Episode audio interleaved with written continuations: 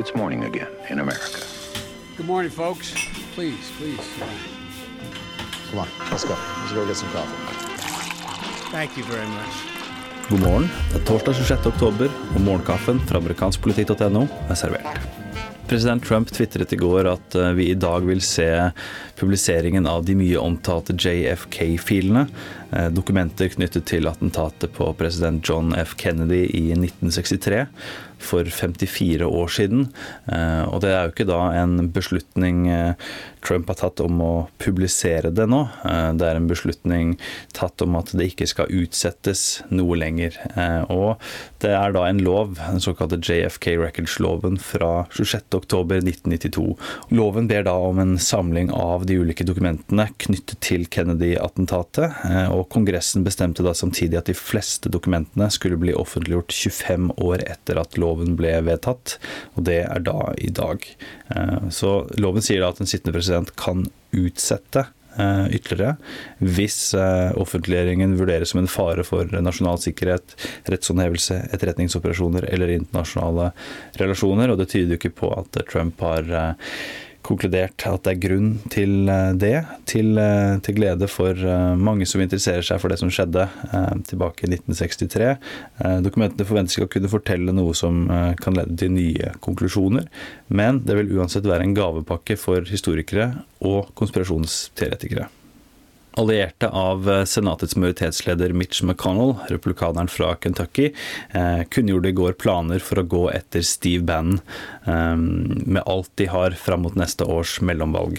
Bakgrunnen her er jo at Steve Bannon, Trumps tidligere sjefsrådgiver, eh, har kommet ut med planer om at han ønsker å utfordre eh, og støtte motstandere til en rekke sittende republikanske senatere som søker gjenvalg i 2018, med unntak av Ted Cruz. Han mener de er for moderate og at de ikke gjør nok for å støtte Trumps eh, agenda, og han har altså en lakmustest for disse kandidatene. Og en av de er at Mitch McConnell da ikke skal støttes som majoritetsleder. Eh, og en av disse kandidatene som Bannon eh, støtter, er da Kelly Ward, Arizona-delstatssenatoren, som eh, inntil nå har utfordra Jeff Flake internt i Arizona. Og Senate Leadership Fund, som da er denne allierte superpacken til McConnell, sier de skal gjøre det de kan eh, for å knuse banden og Kelly Ward. Eh, og de omtaler henne da som en konspirasjonsteoretiker. Eh, Senate Leadership Pun.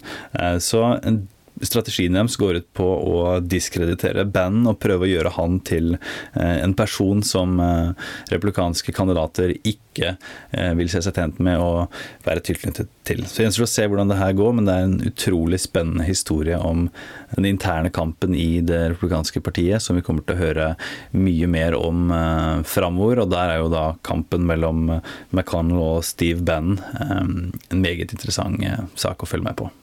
Dagens utgave av Morgenkaffen er servert av Per Åsmund Reimert og undertegnede Are Togelflaten. Du leser mer om disse og andre saker i nyhetsbrevet på amerikanskpolitikk.no.